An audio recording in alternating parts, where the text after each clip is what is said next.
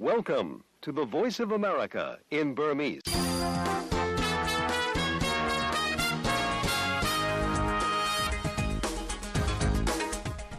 မင်္ဂလာမနက်ခင်းပါရှင်။ VOA American အတန်ရဲ့2024ခုနှစ်ဖေဖော်ဝါရီလ15ရက်နေ့ကြာသပတေးနေ့မနက်ခင်းအစီအစဉ်တွေကိုမြန်မာစံတော်ချိန်မနက်6နာရီကနေ9နာရီအထိလိုင်းဒိုမီတာ30နဲ့49လိုင်းလမီတာ190တို့ကနေတိုက်ရိုက်ထုတ်လွှင့်နေပါပြီ။ကျွန်မတင်ကီထိုက်ပါရှင်။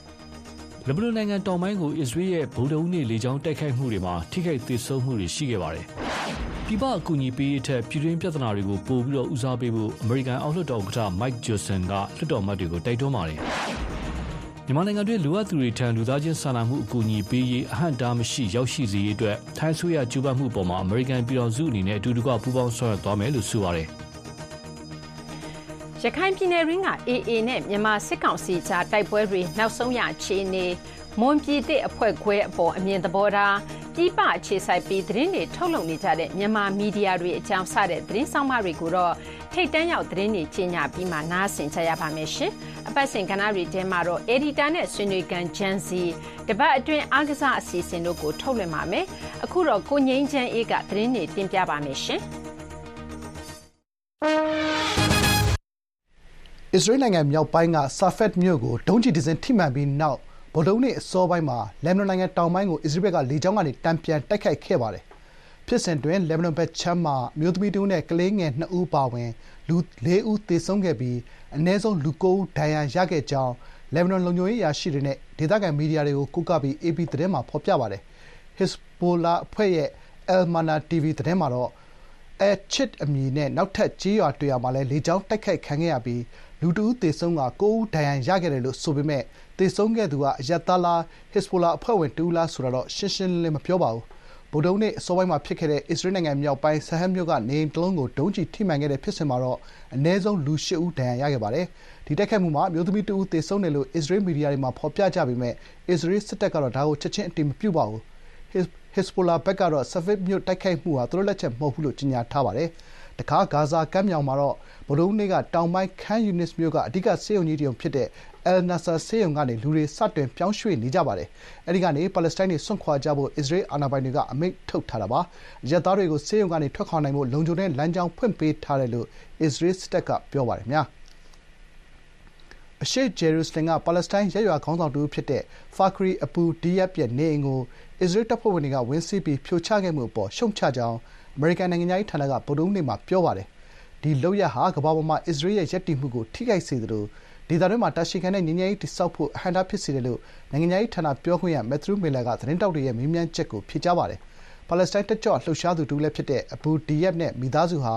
အိမ်ဖျက်ခံရပြီး နေအိမ်ကနေ ဖယ်ပေးခဲ့ရတာပါ။ အစ္စရေးအာဏာပိုင်တွေက နေအိမ်ဖျက်မိန့်ကို လွန်ခဲ့တဲ့ ၁၅ နှစ်ကျော်ကတည်းက ထုတ်ပြန်ထားပြီး Abu Deyyab ဘက်ကတော့ နေအိမ်အဖျက်မခံရရေး ဆယ်စုနှစ်တခုကြာ တောင်းဆို တိုက်ပွဲဝင်နေခဲ့တာလို့ ပါလက်စတိုင်း ဒေသတွင်း သတင်းတွေမှာ ဖော်ပြကြပါတယ်။နိုင်ငံခြားရေးဌာန ပြောခွင့်ရကတော့ ဒီဖြစ်ရပ်က အကြောက်တရားနဲ့ နေထိုင်နေရတဲ့ လူမှုအသိုင်းအဝိုင်းကြီးတခုလုံးအတွက်ပါ နောက်တခေါက်ကျရင် သူတို့နေအိမ်တွေ ဖျက်ခံရမလားဆိုတဲ့ စိုးရိမ်ကြောင့်ကြမှုတွေ ဖြစ်စေတယ်လို့ ပြောပါတယ်။ အဲဒီရပ်ကွက်ကသူတို့ရဲ့မိသားစုနေအိမ်အဖြစ်တည်ရှိနေတာမျိုးဆက်ပေါင်းများစွာရှိနေပြီးတချို့နေအိမ်တွေဟာ၁၉၆၇ခုနှစ်မတိုင်ခင်ကတည်းကတည်ရှိနေတာလို့လည်းအမေရိကန်နိုင်ငံခြားရေးဌာနပြောခွင့်ရကပြောပါတယ်။အမေရိကန်လွှတ်တော်အမတ်တွေအနေနဲ့ပြည်ပအကူအညီတွေပေးနေမယ့်အစားပြည်တွင်းပြဿနာတွေအပေါ်ပိုပြီးအာရုံစိုက်ဖို့အမေရိကန်ပြည်သူတွေကလိုလားနေကြကြောင်းကွန်ဂရက်အောက်လွှတ်တော်ဥက္ကဋ္ဌ Mike Johnson ကဗုဒ္ဓဟူးနေ့ကပြောပါတယ်။ဒါဟာဒေါ်လာ ၉၅ဘီလီယံ တန်ဖိုးရှိတဲ့ ပါတီနှစ်ရပ်လုံးက သဘောတူရမယ့် ဆီနိတ် အထက်လွှတ်တော် နိုင်ငံခြား အကူအညီပေးရေး ဥပဒေကြမ်းအပေါ် မဲခွဲဆုံးဖြတ်ရေး မလုပ်ဖို့ တောင်းဆိုတဲ့ သူ့ရဲ့ ရပ်တည်ချက်ကို ထပ်မံ ပြောခဲ့တာပါ။ကမ္ဘာတဝန်းက ပြဿနာတွေကို မဖြေရှင်းခင် ကိုယ့်အရေးကိစ္စရပ်တွေကို အရင်ဆုံး ဂရုစိုက်ဖို့ ဆက်လက် တောင်းဆိုသွားမယ်လို့ Johnson ကပြောပါတယ်။ဒါပေမယ့် သဘောထား ပျော့ပျောင်းတဲ့ ရီပတ်ဘလီကန် အမတ်တွေ အပါအဝင် အမေရိကန် အောက်လွှတ်တော် အမတ် အများစုကတော့ ဒီ ဥပဒေကြမ်းကို အခြေအတင် ဆွေးနွေးပြီး မဲပေးဖို့ ဆန္ဒရှိနေကြတယ်လို့ ဒီမိုကရက်ဘက်က ပြောပါတယ်။ နိုင်ငံခြားအကူအညီပေးရေး ဥပဒေကြမ်းက အမျိုးသားလုံခြုံရေးကို ဦးစားပေးပြီး ရုရှားနိုင်ငံရဲ့ ရန်လိုမှုကို တွန်းလှန်ကာ နိုင်ငံကာကွယ်ရေးအတွက် အရေးပါတယ်ဆိုပြီး ဒီမိုကရက်တွေဘက်က လိုလားနေကြတာပါ။အမေရိကန်သမ္မတ ဂျိုးဘိုင်ဒန်ကတော့ အကူအညီပေးရေး အစီအစဉ်ကို အမြန်သဘောတူဖို့ အင်္ဂါနေ့က အမေရိကန် လွှတ်တော်အမတ်တွေကို တောင်းဆိုထားပါတယ်။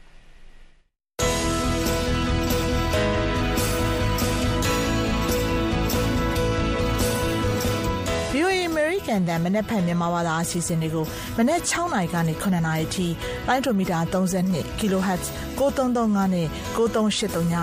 လိုင်းဒိုမီတာ49 kHz 6153ညပထမနိုင်ဝက်မှာလှိုင်းလက်မီတာ190 kHz 1505တို့ကနေပြီးထုတ်လွှင့်ပေးနေပါတယ်ရှင်။ VOA ရဲ့ကြာသပတေးနေ့မနက်ခင်းသတင်းတွေကိုဆက်လက်တင်ဆက်ပေးပါမယ်ခင်ဗျာ။ မြန်မာနိုင်ငံအတွက် လူသားချင်းစာနာထောက်ထားမှုဆိုင်ရာ အကူအညီတွေ အဟန့်အတားမရှိဝေရောက်နိုင်ရေး စစ်ကောင်စီက သတ်မှတ်ပေးထားတဲ့ အဖွဲ့အစည်းတွေတင်သာမကဘဲ အမှန်တကယ် အကူအညီလိုအပ်နေတဲ့ လူတဦးချင်းနဲ့ အဖွဲ့တွေထံ အကူအညီရောက်ရှိစေရေးအတွက် အမေရိကန်ပြည်ထောင်စုအနေနဲ့ ထိုင်းအစိုးရနဲ့ လက်တွဲလုပ်ဆောင်နေကြောင်း အမေရိကန်နိုင်ငံခြားရေးဌာနက သတင်းထုတ်ပြန်ပါတယ်အ မေရိကန်နိုင်ငံခြားရေးဝန်ကြီးအန်တိုနီဘလင်ကန်နဲ့ ထိုင်းဒုတိယဝန်ကြီးချုပ်လည်းဖြစ် နိုင်ငံခြားရေးဝန်ကြီးလည်းဖြစ်တဲ့ ပရမ်ပရီနူးဟာရာတို့ဟာ တနင်္လာနေ့က ဝါရှင်တန်ဒီစီမှာ တွေ့ဆုံခဲ့ရာမှာ မြန်မာနိုင်ငံက ပိုပြီး ဆိုးဝါးလာနေတဲ့ အကျပ်အတည်းကို ကိုင်တွယ်ဖြေရှင်းရေးအတွက် ထိုင်းနိုင်ငံနဲ့ အာဆီယံအဖွဲ့တို့ရဲ့ ကြိုးပမ်းမှုနဲ့ ပတ်သက်ပြီး ဆွေးနွေးခဲ့ကြတယ်လို့ ဆိုပါတယ်။ဒီတွေ့ဆုံမှုမှာ မြန်မာနိုင်ငံနယ်စပ်က စစ်ဘေးသင့် ဒုက္ခသည်တွေအတွက် လူသားချင်းစာနာထောက်ထားမှုဆိုင်ရာ အကူအညီတွေ တိုးချဲ့ပေးရေး အရေးတကြီး လိုအပ်ကြောင်း အလေးပေး ဆွေးနွေးခဲ့ကြတယ်လို့ အမေရိကန်နိုင်ငံခြားရေးဌာန ပြောခွင့်ရမက်သရူးမစ်လာကသတင်းထုတ်ပြန်ပါတယ်။ ဒါ့အပြင် မြန်မာ့အကျပ်အတည်းမှာ သက်ဆိုင်သူအားလုံး ပါဝင်ဆွေးနွေးရေး၊မတရားဖမ်းဆီးထားသူတွေ အားလုံးလွှတ်ပေးရေး၊အကြမ်းဖက်မှုတွေ အဆုံးသတ်ရေးနဲ့ မြန်မာနိုင်ငံကို ဒီမိုကရေစီလမ်းကြောင်းဆီ ပြန်လည်ပို့ဆောင်ရေး စစ်ကောင်စီကို တိုက်တွန်းဖို့လည်း အလေးပေး ဆွေးနွေးခဲ့တယ်လို့ သတင်းထုတ်ပြန်ထားပါတယ်။ရန်ကုန်မြို့ကထိုင်းသံရုံးမှာ ပြည်ဝင်ခွင့်ဗီဇာ လျှောက်ထားသူ အရေအတွက် များပြားလာတဲ့အတွက် တရက်ကို လျှောက်ထားသူ ၄၀၀ ကိုသာ လက်ခံသွားမှာဖြစ်ကြောင်း မြန်မာနိုင်ငံဆိုင်ရာ ထိုင်းသံရုံးက ဗုဒ္ဓဟူးနေ့မှာ ကြေညာချက် ထုတ်ပါတယ်။ တိုကင်နံပါတ်နဲ့ တန်းစီစနစ်ကိုလည်း ကျင့်သုံးမှာဖြစ်ပြီး လျှောက်ထားသူကိုယ်တိုင် တိုကင်ရယူရမှာဖြစ်သလို အလွဲသုံးစားလုပ်မှုတွေ၊တိုကင်အတုပပြုလုပ်တာတွေကို တွေ့ရှိရင် ဗီဇာလျှောက်ထားခွင့် ပိတ်ပင်မှာဖြစ်ပြီး လျှောက်ထားသူကို နာမည်ပျက်စာရင်းထဲ ထည့်သွင်းမယ်လို့လည်း ဖော်ပြထားပါတယ်။စစ်ကောင်စီက ဖေဖော်ဝါရီ ၁၀ ရက်နေ့က ထုတ်ပြန်လိုက်တဲ့ အသက်အရွယ်သတ်မှတ်ချက်တွေနဲ့ ကိုက်ညီသူတွေ မဖြစ်မနေ စစ်မှုထမ်းရမယ့် ပြည်သူ့စစ်မှုထမ်းဥပဒေ အာဏာတည်တဲ့နေ့ရက် သတ်မှတ်ခြင်းဆိုတဲ့ ကြေညာချက် ထွက်ပေါ်အပြီးမှာ ရန်ကုန်က ထိုင်းသံရုံးရှေ့မှာ နေ့စဉ် လူ ရာနဲ့ချီ တန်းစီပြီး ဗီဇာလျှောက်ထားတာတွေ တိုးလာခဲ့တယ်လို့ ရန်ကုန်မြို့ခံတွေကဗွီအိုအေကို ပြောပါတယ်။ဗီဇာလျှောက်ထားရာမှာ အဆင့်တွေ ပိုများလာတာမျိုး မကြုံရပေမယ့် ရက်အနည်းငယ် ပိုပြီး ကြန့်ကြာတာတွေလည်း ကြုံခဲ့ရတယ်လို့လည်း ကိုယ်တိုင် ထိုင်းဗီဇာ လျှောက်ထားခဲ့တဲ့ အမည်မဖော်လိုတဲ့ အမျိုးသမီးတဦးကဗွီအိုအေကို ပြောပါတယ်။ကိုယ်တိုင်လျှောက်ထားသူတွေနဲ့ ရန်ကုန်မြို့ခံတွေက ရိုက်ကူးပြီး ဆိုရှယ်မီဒီယာတွေမှာ တင်ထားကြတဲ့ ဓာတ်ပုံတွေမှာတော့ ထိုင်းသံရုံးရှေ့မှာ လူအုပ်ကြီး ဖြစ်ပေါ်နေတာ တွေ့ရပြီး လူအမြောက်အများဟာ မနက်အစောပိုင်းကတည်းက တန်းစီနေကြတာကိုလည်း မြင်တွေ့ရပါတယ်။ အင်ဒိုနီးရှားနိုင်ငံသမ္မတရွေးကောက်ပွဲမှာအနိုင်ရသူဖြစ်လာဖွယ်ရှိတဲ့အာဏာရှင်ဆူဟာတိုရဲ့သားမက်ဖြစ်သူစစ်ဗိုလ်ချုပ်ဟောင်းပရာဘိုဝိုဆူဘီရန်တိုဟာအရင်ကလူ့အခွင့်အရေးချိုးဖောက်မှုတွေကျူးလွန်ခဲ့သူအဖြစ်စွပ်စွဲခံခဲ့ရသူဖြစ်လို့သူသမ္မတဖြစ်လာမှာအပေါ်လူ့အခွင့်အရေးအဖွဲ့တွေကသတိထားစောင့်ကြည့်နေကြပါတယ်။ဗုဒ္ဓဟူးနေ့မဲရေတွက်အပြီးကနဦးရလဒ်တွေအရလက်ရှိကာကွယ်ရေးဝန်ကြီးလည်းဖြစ်တဲ့ဆူဘီရန်တိုကသူရွေးကောက်ပွဲနိုင်ကြောင်းကြေညာထားတာပါ။ သူဟာ ၁၉၉၈ ခုနှစ်တုန်းက ဒီမိုကရေစီရေး တက်ကြွလှုပ်ရှားသူတွေကို အဓမ္မ ဖမ်းဆီး ပြန်ပေးဆွဲခဲ့ဖို့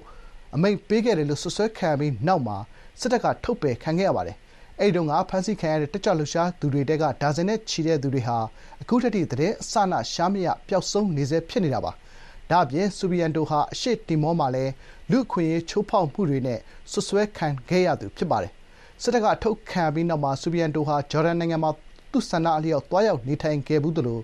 အရင်ကလည်းအမေရိကန်နိုင်ငံပြည်ဝင်ခွင့်ပိတ်ပင်ခံခဲ့ရသူဖြစ်ပါတယ်။ဆူဘီရန်တိုကတော့သူ့အပေါ်စွပ်စွဲချက်တွေကိုအရင်ကတည်းကတစိုက်မတ်မတ်ငြင်းဆိုခဲ့ပြီးသူ့အပေါ်မှာလည်းတရားဝင်စွဲချက်တင်တာမျိုးတော့မရှိခဲ့ဖူးပါဘူး။နိုင်ငံတကာလွတ်ငြိမ်းချမ်းသာခွင့်အဖွဲ့ Amnesty International ရဲ့အင်ဒိုနီးရှားနိုင်ငံဆိုင်ရာအမှုဆောင်ဒါရိုက်တာအူစမန်ဟာမစ်ကတော့လူငယ်ကျောင်းသားတက်ကြွလှုပ်ရှားသူတွေရဲ့မျက်ရည်တွေသွေးတွေနဲ့ပေးဆပ်ခဲ့ရတဲ့ ပြုပြင်ပြောင်းလဲမှုတွေ နောက်ပြန်ဆုတ်သွားမှာကို စိုးရိမ်ကြောင်း VOA ကို ပြောပါတယ်ခင်ဗျာ။ Direct from Washington, the voice of America, VOA. ထိတ်တန့်ရောက်သတင်းတွေကို ကိုငင်းချမ်းအေး ပြောပြပေးခဲ့တာပါ အခုတော့ သတင်းဆောင်မတွေကို တင်ပြပါမယ်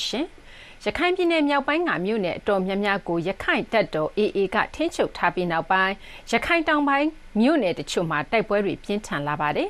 ကျောက်ဖြူမြို့နယ်မှာ၃ရက်ဆက်တိုက်စစ်ကောင်စီဘက်ကလက်နက်ကြီးတွေလေရင်တွေနဲ့ပြစ်ခတ်နေတာကြောင့်ဒေသခံထောင်ချီဘေးလွတ်ရာထွက်ပြေးနေကြရကြောင်းဒေသခံတို့ကပြောပါတယ်။သတင်းအပြည့်အစုံကိုတော့ရန်ကုန်ကပေးပို့ထားတဲ့သတင်းဆောင်မကိုကိုသားညွန့်ဦးတင်ပြပေးပါမယ်ရှင်။ ရခိုင်ပြည်နယ်တောင်ပိုင်း ကျောက်ဖြူမြို့နယ်အတွင်းကကုလာဘာကျွေးရနီးမှာ စစ်ကောင်စီနဲ့ ရခိုင်တပ်တော် AA ကြား ပြီးခဲ့တဲ့ ဖေဖော်ဝါရီလ12ရက်နေ့က တိုက်ပွဲဖြစ်ခဲ့ပါတယ်။အဲဒီနောက် ဒီကနေ့အထိကို အနီးအနားကျေးရွာတွေကို စစ်ကောင်စီဘက်က လေကြောင်းတိုက်ခိုက်မှုတွေ လက်နက်ကြီးတွေနဲ့ဇက်တိုက်ပစ်ခတ်မှုတွေလုပ်နေတယ်လို့ကုလဘာကျေးရွာသားတဦးက ပြောပါတယ်ဟောဟုတ်ကဲ့ကိုရဒီတိုက်ပွဲဖြစ်တာကတော့ဒီ12ရက်နေ့တည်းပဲဖြစ်တယ် ဒါမဲ့ဒီ73ရက်နေ့ဒီမနေ့ကပေါ့နော်ဒီတိုက်ပွဲဖြစ်တာတည်းမရှိဘဲနဲ့ဒီတော့ဒီစစ်ကောင်စီကနေပြီးတော့ လက်နက်ကြီးတွေနဲ့တစ်တယ် နောက်ပြီးတော့ ဟို1 2လေးနေနဲ့လာပြီးတော့ဒီအတွေ့လိုက်ပုံးတွေရှာတာရရှိတယ်ကိုရအော်ဟုတ်ကဲ့ဒီနေ့လေဒီနေ့လေလေးပဲပေါ့ဒီတိုက်ပွဲဖြစ်တာတည်းမရှိဘဲနဲ့တော့ဒီမနေ့စနေရီလေးကလောင်းလေးကစားပြီးတော့သူတို့ဒီလက်နက်ကြီးတွေနဲ့တောက်ချောက်ပြီးတယ်အဲနောက်ပြီးတော့ဒီနေပြည်ကလည်းပြည့်တယ်နောက်ပြီးဒီနေ့ဒီနေ့ဆိုလို့ရှိရင်နေပြည်ကလည်းပြည့်တယ်အမှန်30နဲ့ရေတိုင်းကပြည့်တယ်နောက်လည်းနိုင်အထက်ကရှိတဲ့ဒီကြောက်တုံးတောင်းပေါ်ရတယ်လည်းဒီနေ့ဆန်းပြတာတွေတော့ရှိတယ် အခုလိုပြစ်ခတ်မှုတွေကြောင့်ကျေးရွာ3ရွာလောက်က ဒေသခံထောင်ချီ ဘေးလွတ်ရာကို ထွက်ပြေးတိမ်းရှောင်နေကြရတယ်လို့လည်း သူက ပြောပြပါတယ် ထွက်ပြေးတာဒီတိုင်းလက်နေကြီးတွေနဲ့ တောက်ချောက်ပြနေတော့ဒီရွာဒေသဟန်ကတော့ ကြောက်ပြီးတော့ ထွက်ပြေးရတာတော့မြင်ရပါတယ်ဒီအဲ့ဒီနားမှာရှိတဲ့ဒီကလဘာရွာကဆိုလို့ရှိရင်တော့ဒီတော်တော်များများ ထွက်ပြေးတိမ်းရှောင်နေရတယ်လို့ပြောရတာလည်းရှိပါတယ်အဲနောက်ပြီးတော့ဒီတခြားဒီကြိုက်စိကေတို့ဒီပြင်ချေတို့အဲ့ဒီရွာတွေကလည်းထွက်ပြေးတိမ်းရှောင်နေရတယ်လည်းရှိရပါတယ်ကုလဘာကျေးရွာကနေပြီးတော့ဖေဖော်ဝါရီလ12ရက်နေ့ကလေးကထွက်ပြေးလာတဲ့ဒေသခံတကူကတော့လက်နက်ကြီးတွေကြားရောက်ပောက်ကွဲမှဆွေးနေတာကြောင့်အခုလိုထွက်ပြေးလာတာဖြစ်တယ်လို့ဆိုပါတယ်။ဘာလို့ကြောက်တာလဲဆိုတော့အဲ့လိုလက်နေအတန်တွေအဲ့လိုလေရင်တန်တွေဘုံဘုံချတဲ့အတန်တွေဆိုတော့လေဘယ်လိုပြောမလဲမြေမြေကြီးပါ အဲ့လိုမျိုးတုံခါတလူမျိုးဖြစ်တော့အဲ့လိုမျိုးမနေဘူးပေါ့နော်တရွာလုံးတော့ဟိုထွက်ပြေးကြတာပဲအဲ့လိုဆက်ဖြစ်ဆက်ဖြစ်နေကြတဲ့ဟာတွေဆက်ဖြစ်မနေ့ပိုင်းဖြစ်ဖြစ်တယ်နေ့လေပိုင်းလေးဖြစ်တော့ညပိုင်းညဖက်ပေါ့နော်အဲ့လိုမျိုးညဖက်ထွက်ပြေးလာရတာရခိုင်တောင်ပိုင်းကရန်ပြဲမြို့နယ်မှာလည်းစစ်ကောင်စီဘက်ကလေကြောင်းတိုက်ခိုက်မှုတွေဇက်တိုက်လုပ်နေပြီးတော့ရန်ပြဲမြို့ပေါ်ရက်ကွက်အတော်များများမီးလောင်ပျက်စီးမှုတွေရှိတယ်လို့ရခိုင်တပ်တော် AA ရဲ့ထုတ်ပြန်ချက်မှာဖော်ပြထားပါတယ် ရခိုင်မြောက်ပိုင်းမှာတော့ကြောက်တော် မြောက်ဦး မင်းပြားနဲ့ ပေါက်တော်မြို့နယ်တွေကို ရခိုင်တပ်တော်က အပီးထိန်းချုပ်ထားပြီးဖြစ်တယ်လို့မြေပုံမြို့နယ်က စစ်ကောင်စီတပ်တွေလည်း မြို့ကို စွန့်ခွာသွားကြတယ်လို့ AA က ထုတ်ပြန်ထားပါတယ် ဒါအပြင် ဒီလာအတွင်း စစ်ကောင်စီရေတပ်တင်မော9စင်းကိုအေဘက်က တိုက်ခိုက်ဖျက်ဆီးနိုင်ခဲ့တယ်လို့မောင်းတော်နဲ့ ရသေးတောင်မြို့နယ်တွေက တပ်စခန်းတော်များများကိုလည်း ရခိုင်တပ်တော်အေကသိမ်းပိုက်ထားပြီးဖြစ်တယ်လို့ သိရပါတယ်။လက်ရှိမှာတော့ ရခိုင်မြောက်ပိုင်းက မြို့နယ်တချို့နဲ့ တပ်စခန်းတွေအားလုံးနီးပါး ဆုံးရှုံးနေတဲ့ စစ်ကောင်စီအနေနဲ့ ရခိုင်တောင်ပိုင်းမှာ အင်အားဖြည့်တင်းမှုတွေရှိနေတာကြောင့် ရခိုင်တောင်ပိုင်းမှာ တိုက်ပွဲတွေ ဆက်ပြီးတော့ပြင်းထန်လာနိုင်တယ်လို့ ဒေသခံနိုင်ငံရေးသမားတွေက ပြောဆိုနေကြပါတယ်ခင်ဗျာ။ကျွန်တော်တားညူပါ။ຫນွေဦးတော်လှန်ရေးနဲ့အတူ မြန်မာပြည်သူတွေရဲ့ဆီယနာရှင်တိုက်ဖြတ်ရေးမှာ ပါဝင်သွားမယ်ဆိုပြီး မွန်ပြည်သစ်ပါတီ ထိပ်ပန်းခေါင်းဆောင်တချို့ပါဝင်တဲ့ မွန်ပြည်သစ်ပါတီ အစုအဖွဲ့တစ်ခုက ကြေညာလိုက်ပါတယ်။မွန်ပြည်နယ်အတွင်း နိုင်ငံရေးနဲ့စီးရေးအပေါ်ဘလောက်အထိ ရိုက်ခတ်လာနိုင်တယ်လဲ။ကိုဝင်းမင်းက ဆက်သွယ်မြင်းမြန်ထားပါတယ်ရှင်။ ဟုတ်ကဲ့မနေ့ကထုတ်ပြန်တဲ့ဒီကြေညာချက်ဘာကြောင့်ထုတ်ရတာကိုဒီမွန်ပြည်သစ်ပါတီအစုအဖွဲ့ရဲ့ပြောခွင့်ရလည်းဖြစ်ဒုတိယခေါင်းဆောင်လည်းဖြစ်တဲ့နိုင်ပညာလေကအခုလိုစရှင်းပြပါတယ်ဒီက NCA မှာညီလို့မရတာလည်းပါမယ်ဒီအခင်းချင်းမှာနေဦးဒေါ်လာရေးကလည်းထပ်ပြီးတော့ပေါ်ပေါက်လာတယ်ဆိုတော့ဒီအကြောင်းရင်းတစ်ခုတိုက်ဆိုင်သွားတယ်လို့ပဲယုံကြည်တယ် အခုဒီနိုင်ငံရေးပြဿနာကိုနိုင်ငံရေးနီးလန်းရသွားဖို့ကတော့ဒီစစ်ကောင်စီနဲ့လက်ထက်မှာလုံးဝတော့ဖြစ်နိုင်မှာမဟုတ်ဘူးလို့ကျွန်တော်တို့မြင်တယ်။ဘာဖြစ်လို့ဆိုတော့ကျွန်တော်တို့သုံးချိန်လုံးလုံးဆွေးနွေးဖြစ်ခြင်းမှာတိကျတက်ကိစ္စနဲ့ပတ်သက်ပြီးတော့တော်တော်လေးကိုသဘောထားကွဲလွဲတယ်။သူတို့ရဲ့သဘောထားကနိုင်ငံရေးဆွေးနွေးပွဲတစ်စုံတရာသဘောတူညီချက်ရပြီးတော့ဒီချင်းပြေးရတဲ့လူငယ်တွေကိုတမ်တော်တဲ့ကိုဝင်ခိုင်းတယ်။ နောက်တက်ကြီးပိုင်းလူကြီးပိုင်းတွေကြတော့ပါတီထားစီးပွားရေးလောက်ခေပုံစံနဲ့ပဲတွားနေဆို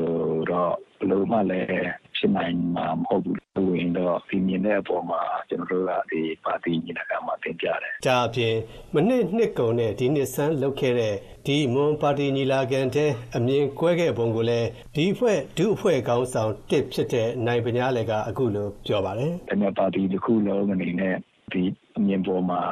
ဒီနေ့ဒီချိန်ကတမတော်စစ်ကောင်စီကိုလက်နက်ကိုင်တိုက်ပွဲဝင်ဖို့အတွက်တော့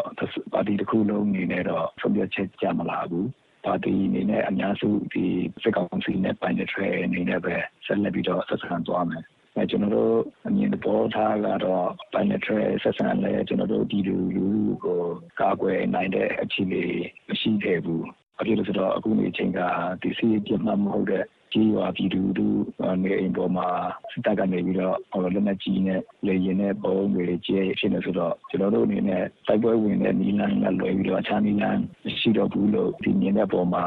ရည်ချက်တူ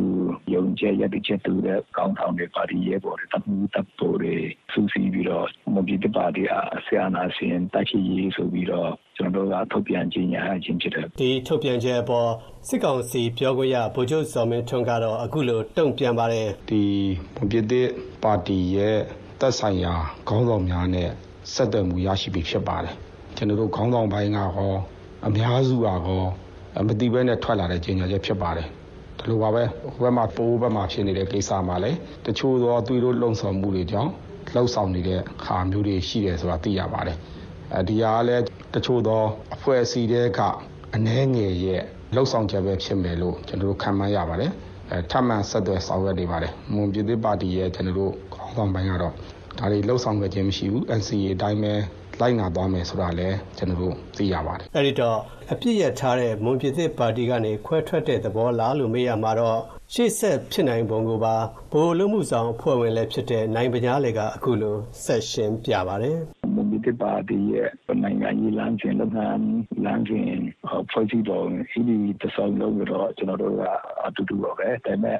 နီလန်ချင်းမတူလို့ကျွန်တော်တို့ကနီလန်တစ်ခုကိုဖောက်ထွက်ပြီးတော့လုံဆောင်အကောင့်တွေပေါ်ရခြင်းဖြစ်တယ်ဒီပါတီကနေခွဲထွက်တဲ့ပုံဖွဲ့စည်းပုံစံအနေနဲ့တော့မဟုတ်ဘူးဟုတ်ကဲ့လောလောဆယ် CC 3ယောက်ပါမယ် CC 6ယောက်ပါမယ် နောက်တော့ဒီကြားထဲမှာဒီထုတ်ပြန်ခြင်းချက်ထုတ်ပြီးနောက်ပိုင်းမှာခြားဖို့ကွန်ပဏီတွေဘယ်လောက်ပါဝင်လာနိုင်မလဲဆိုတော့အတိအကျမသိသေးပါဘူးဟိုတိုက်ရင်မှုတွေတူတိုက်ရင်မှုတွေတော့ပါလာတယ်ပဲတိုက်ရင်ဘယ်လောက်ပါမယ်လို့ဆိုတာသူတို့ရဲ့ယုံကြည်ချက်ပေါ်မှာမူတည်ပြီးတော့ကျွန်တော်တို့ ਨੇ လာရောက်ပြီးတော့ဆက်သွယ်ဆောင်ရွက်ပူးပေါင်းပါဝင်လာမှုဒီနွေဦးဒေါ်လာရေးအင်အားစုတွေနောက်ပြီးတော့ ကျွန်တော်တို့ရဲ့ KU နဲ့ငြိမ်းချင်းထိစပ်နေတယ်ဆိုတော့ဆိုတော့ကျွန်တော်တို့ရဲ့လှုပ်ရှားရတာ ပို့ပြီးတော့ လွယ်ကူနိုင်လိမ့်မယ်လို့ဆိုတော့ထင်တယ်ပေါ့နော်။ဘာဖြစ်လို့ဆိုတော့ ကျွန်တော်တို့ ဒီနိုင်ငံရေးစီ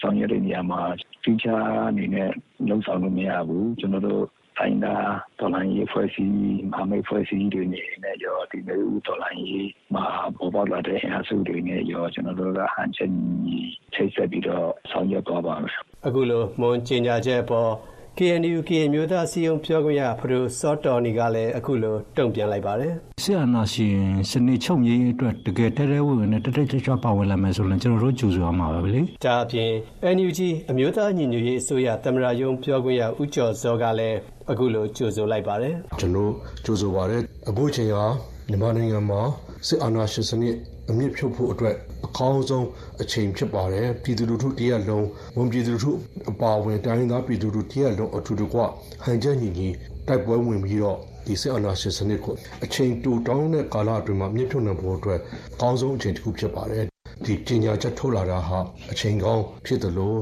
ဒီຫນွေဦးတော်လှန်ရေးအောင်မြင်ဖို့အတွက်အင်အားကောင်းအသစ်တစ်ခုထပ်မံရရှိတာဖြစ်ပါတယ်တကယ်တော့စစ်အာဏာသိမ်းပြီးမြောက်ပိုင်းညီနောင်မဟာမိတ်အဖွဲ့စစ်စင်ရေးအာသာမှုတွေဖြစ်လာခြင်းရခိုင်ကရင်နီပါဝင်တိုက်ပွဲတွေပြန်ဖြစ်ပြင်းထန်လာပြီးစစ်ကောင်စီစခန်းတွေပူပူဆုံးရှုံးလာရခြင်းမှာမွန်ဘက်မှာလည်းအခုလိုစဖြစ်လာတာလို့သုံးသပ်သူတွေကပြောနေပါတယ်ခင်ဗျာ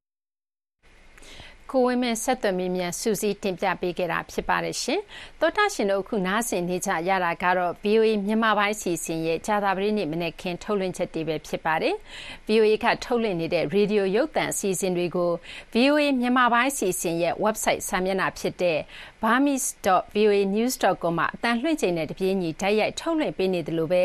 VOA မြန်မာပိုင်းစီစဉ်ရဲ့လူမှုကွန်ရက် Facebook နဲ့ YouTube စာမျက်နှာတို့ကနေလည်းဓာတ်ရိုက်ထုတ်လွှင့် ပေးနေပါတယ်ရှင်။အခုတော့မြန်မာဆိုင်ရာသတင်းဆောင်မတစ်ပုဒ်ကိုဆက်ပြီးတော့တင်ပြပေးပါမယ်။မြန်မာနိုင်ငံမှာစစ်တပ်ကအာဏာသိမ်းတာ၃နှစ်ကျော်လာတဲ့အချိန်ထိမြန်မာနိုင်ငံကသတင်းသမားတွေပြည်ပကိုထွက်ပြီးစစ်ကောင်စီနဲ့စန့်ကျင်တော်လှန်တဲ့အင်အားစုတွေကြားတိုက်ပွဲသတင်းတွေကိုသုံးသပ်ရင်းတစ်ချိန်တည်းမှာသတင်းရင်းမြစ်တွေဘေးကင်းလုံခြုံအောင်ဆက်ပြီးတော့ထိန်းထားနိုင်မဲ့နီလန်းတွေရှာဖွေနေကြရပါတယ်။ အာရက်အာရာဘာစတီဖတ်ကြားတဲ့ VOA သတင်းပေးပို့ချက်ကိုတော့မဆုမွန်ကပြောပြပေးပါမယ်ရှင်။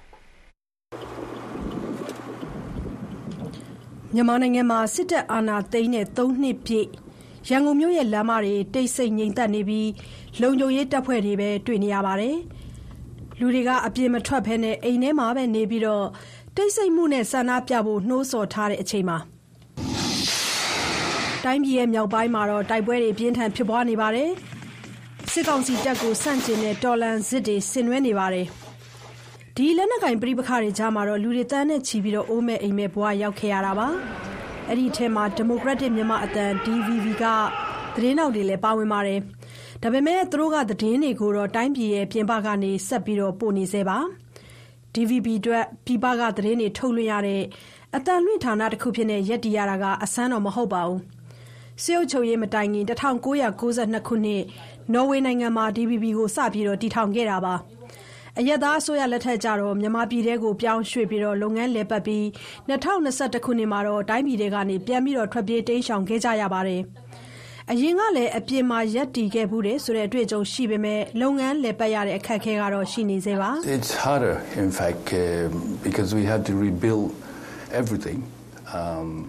It's harder, in fact, uh, because we had to rebuild everything. Um, ပို့ပြီးတော့ခက်ခဲပါတယ်တကယ်တော့ကျွန်တော်တို့အားလုံးကိုပြန်တိဆောက်ရတာပါအစကနေတစ်ခုချင်းပြန်စရတာပါကျွန်တော်တို့ပြေးရပါတယ်ပြန်ဖွဲ့စည်းရပါတယ်ပြန်တိဆောက်ရပါတယ်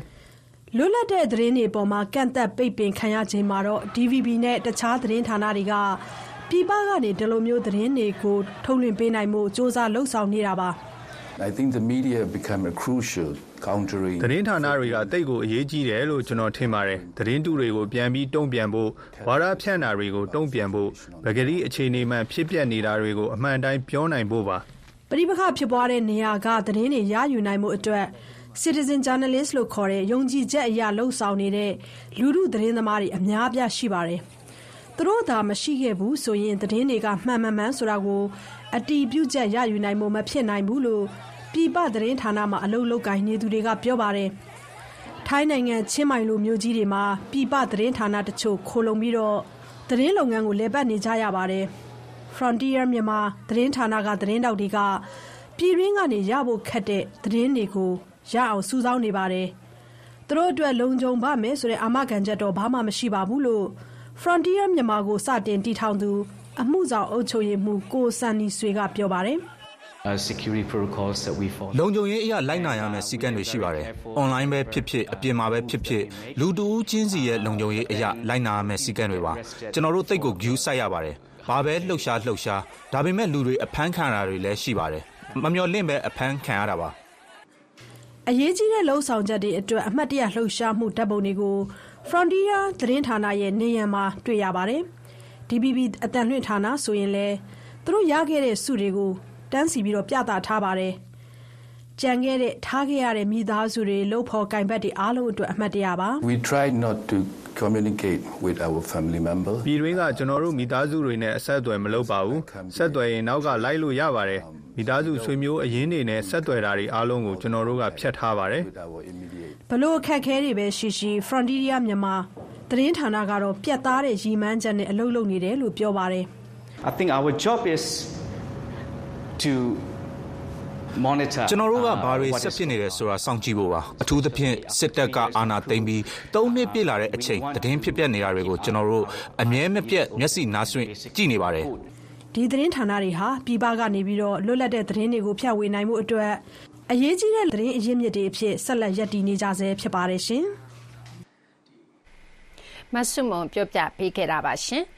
VOA မြန်မာပိုင်းအစီအစဉ်ကထုတ်လွှင့်နေတဲ့သတင်းတွေသတင်းဆောင်မတွေရေဒီယိုရုပ်သံအစီအစဉ်တွေနဲ့ပတ်သက်ပြီးသောတာရှင်တို့အနေနဲ့ဝေဖန်အကြံပြုကြဖို့ကိုလည်းဖိတ်ခေါ်ပါတယ်ရှင်။ဝေဖန်အကြံပြုလို့ရင်တော့ကျမတို့ရဲ့ email လိပ်စာဖြစ်တဲ့ burmese@voanews.com ကိုစာရေးသားပေးပို့နိုင်ကြပါတယ်ရှင်။အခုတော့နိုင်ငံတကာသတင်းဆောင်မတစ်ပုဒ်ကိုဆက်ပြီးတော့တင်ပြပေးလိုပါတယ်။အမေရိကန်သမ္မတဟောင်းဒေါ်နယ်ထရန့်ရဲ့ NATO အဖွဲ့အပေါ်မှတ်ချက်စကားကြောင့် ဥရောပတိုက်တလွှားတုန်လှုပ်ခဲ့ရပြီး NATO အဖွဲ့ကလည်းရှားရှားပါးပါးတုံ့ပြန်ခဲ့ပါတယ်။သူသာသမ္မတဖြစ်ခဲ့ရင်ပေးစရာရှိတဲ့မပေးတဲ့မဟာမိတ်တွေကိုရုရှားကိုဖိတ်ခေါ်ပြီးတိုက်ခိုက်မယ်လို့ပြောခဲ့တာပါ။ Cindy Saine အမေရိကန်နိုင်ငံခြားရေးဌာနကနေသတင်းပေးပို့ထားပါတယ်။ကိုငြိမ်းချမ်းကတင်ပြပေးပါမယ်ရှင်။ ပြီးခဲ့တဲ့ စနေနေ့က ကျင်းပခဲ့တဲ့ အမေရိကန်နိုင်ငံ တောင်ကယ်ရိုလိုင်းနားပြည်နယ်ကောင်းဝေးမြို့ မဲဆွယ်စည်းရုံးပွဲမှာ ရီပတ်ဘလီကန် သမ္မတလောင်းအဖြစ် ရှေ့ဆုံးက ပြေးနေတဲ့ဒေါ်နယ်ထရန့်ကပြင်ဆင်ထားတဲ့ မိန့်ခွန်းကနေ သွေဖယ်ပြီး သူ့အမြင်ဖြစ်တဲ့ အမေရိကန်ကို အသာစီးယူနေတဲ့ ဥရောပတိုင်းပြည်တွေအကြောင်းနဲ့ သူတို့လုံခြုံရေးအတွက် မျှမျှတတ ဝေစုကို မပေးတဲ့အကြောင်းအခုလို ပြောခဲ့ပါတယ် One of the presidents of a big country stood up said အဲ့ဒီတိုင်းပြည်ကြီးတစ်ခုကသမ္မတထားပြီးတော့တကယ်လို့ကျွန်တော်တို့ကိုရုရှားကတိုက်မယ်ဆိုရင်ကာကွယ်မှာလားလို့မေးပါတယ်ကျွန်တော်ကပြန်ပြောလိုက်တာခင်ဗျားမပေးခဲ့ဘူးမလားမပေးနိုင်ဘူးလားလို့မေးပါတယ်သူကလည်းဟုတ်ပါတယ်ဒါမျိုးဖြစ်ခဲ့တယ်ဆိုရင်ငေါလို့ပြောပါတယ်ဒါမျိုးဆိုကျွန်တော်မကာကွယ်ဘူးလို့ပြောခဲ့တယ်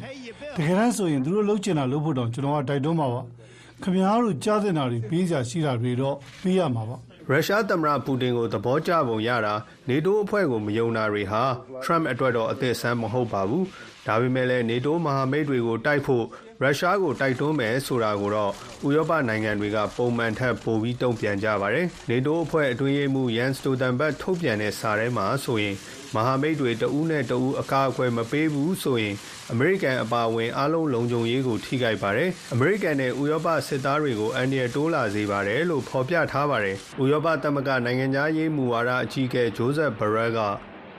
Let's be serious အလေးအနက်ထားကြရအောင်ပါနေတိုးအဖွဲ့ကလိုတလောက်ပဲမှာရတာမျိုးမဟုတ်ပါဘူးအဖွဲ့ကြီးရှိရင်ရှိမရှိရင်မရှိဘူးဆိုတာမျိုးပါနောက်ပြီးအမေရိကန်ရွေးကောက်ပွဲကာလမျိုးမှာထွက်လာတဲ့ပေါက်ကရအကြံဉာဏ်တွေအပေါ်ချိန်ကုန်ခံပြီးလိုက်တုံ့ပြန်မနေပါဘူးထရန့်ပြောသလိုမျိုးနေတိုးအဖွဲ့ပေါ်အကျွေးတင်နေတဲ့နိုင်ငံမရှိပါဘူး2014ခုနှစ်တုန်းကမဟာမိတ်အဖွဲ့ဝင်နိုင်ငံတွေအနေနဲ့2024ခုနှစ်ကျရင် သူတို့ရဲ့ပြည်တွင်းအသက်တင်ထုတ်ကုန် GDP ရဲ့2ရာခိုင်နှုန်းကိုကာကွယ်ရေးအတွက်သုံးမယ်လို့ကတိပြုခဲ့တာပါ2023ခုနှစ်အစောပိုင်းခံမှန်းချက်အရအဖွဲ့ဝင်နိုင်ငံ30မှာ10နိုင်ငံကဒီ2ရာခိုင်နှုန်းသတ်မှတ်ချက်နာကိုကတ်နေတယ်လို့နေတိုးအဖွဲ့ကခံမှန်းထားပါတယ်။တမိုင်းပါမောက်ခမိုက်ကယ်ခင်မစ်က American policy is to some degree already shifting because there's a candidate Trump, Republican Party ခေါင်းဆောင်လည်းဖြစ်တဲ့ Trump လို့သမ္မတလောင်းပါနေတဲ့အတွက် American မူဝါဒတွေက တစ်စိတ်တစ်ပိုင်းပြောင်းနေပါတယ်။ဒီလိုမှတ်ချက်မျိုးက အချိုးပေါ်တကားကြီးလောင်းတယ်လို့ပါပဲ။ယူကပွဲရလက်အပေါ်မူတည်ပြီးတော့ရုရှားကို ဥရောပက တယောက်တည်း ရင်ဆိုင်ရနိုင်ပါတယ်။ယူကရိန်းစစ်ပွဲမှာဆိုရင်လည်း ဥရောပက ပို့ပြီးတော့အထီးကျန်သွားမှာပါ။ဒုတိယကမ္ဘာစစ်ပြီးကတည်းက ဥရောပလုံခြုံရေးကို အာမခံခဲ့တဲ့နေတိုးမဟာမိတ်အဖွဲ့ကို ကာကွယ်ဖို့အမေရိကန်လွှတ်တော်ကမူဝါဒတချို့ချမှတ်ထားတယ်လို့လင်းစေးညူမန်လိုလေးလာသူတွေကပြောပါတယ် And in fact, in 2023, as part of um, the National Defense Authorization Act, 2023ခုနှစ်အမျိုးသားကာကွယ်ရေးဥပဒေမှာလွှတ်တော်ကအတည်ပြုချက်မရဘဲနဲ့နေတိုးအဖွဲ့တွေကနေပြီးတော့ဘယ်သမ္မတမှတစ်ဖက်သက်ထွက်လို့မရဘူးလို့ပြဋ္ဌာန်းထားပါတယ် ဒါပေမဲ့လည်းနေတိုးအဖွဲ့ကတရားဝင်မထွက်ပဲအားနည်းသွားအောင်လုပ်နိုင်တဲ့နီးလန်းတွေလည်းရှိတယ်လို့တခြားလေးလာသူတွေကထောက်ပြပါတယ်။ဂျာမနီကနေအမေရိကန်တပ်တွေရုပ်သိမ်းတာမျိုးနဲ့ပုံမှန်9လို့နေတိုးအဖွဲ့ဝင်အချင်းချင်းကာကွယ်ရမယ်ဆိုတဲ့အချက်ကိုယုံမှားတန်တရားဖြစ်အောင်လုပ်တာမျိုးပါ။ဒီပုံမှန်အရာနေတိုးအဖွဲ့ဝင်တွေဟာအတိုက်ခိုက်ခံရရင်အချင်းချင်းကာကွယ်ရမယ်ဆိုပြီးဂရုပြုထားရတာပါ။ဒီပုံမှန်ကိုအသုံးပြုတာတော့တစ်ခါပဲရှိပါသေးတယ်။ ဒါကတော့အမေရိကန်မှာစက်တင်ဘာ17ရက်အကြမ်းဖက်တိုက်ခိုက်မှုကြုံခဲ့ရပြီးတဲ့နောက်ပိုင်းမှာဖြစ်ပါတယ်ခင်ဗျာမသေးချာမြေယာမှုတွေအပြည့်အပြောင်းလဲတွေများတဲ့ကဘာကြီးမှာကျွန်တော်တို့ကြားတယ်လို့မြင်တယ်လို့ဖြစ်မလာတဲ့အခါအမှန်တရားကိုရှာဖွေကြရပါတယ်။တည်င်းကိုတစ်ပိုင်းတစ်စပဲကြားသိလိုက်ရရင်ယုံကြည်မှုတွေကိုလက်လွတ်လိုက်ရတာတွေရှိပါတယ်။ အကြက်တဲကာလတွေမှာကျွန်တော်တို့ရဲ့အိမ်မက်တွေမျောလင့်ချက်တွေပိုကောင်းတဲ့မနှက်ဖန်တွေကိုတောင်းတမိတာတွေကသတင်းလွတ်လပ်ခွင့်အပေါ်မှာမူတည်နေပါတယ်ကျွန်တော်တို့ VOA ကအန်ဒီရဲ့ဂျားကနေသတင်းတွေကိုတင်ဆက်ပေးနေပါတယ်ကဘာကြီးနဲ့ချိတ်ဆက်ပေးပြီးအမှန်တရားကိုစောင့်ကျင်းပေးနေပါတယ် VOA American အတန်ကသတင်းမှန်တွေကို ဗတ်ပေါင်းစုံကတင်ပြပေးနေပါတယ်ခင်ဗျာ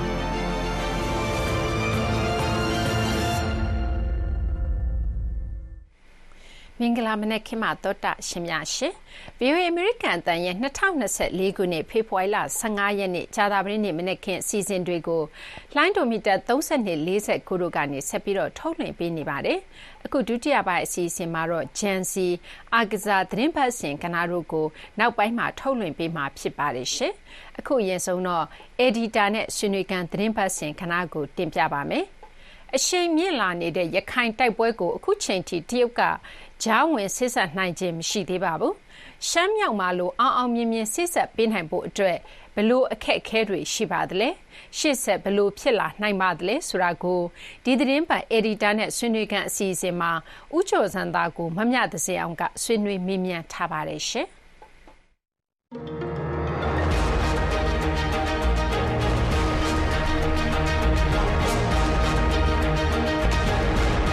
မင်္ဂလာပါဦးကျော်စံသားရှင်မင်္ဂလာပါမြတ်ရှင်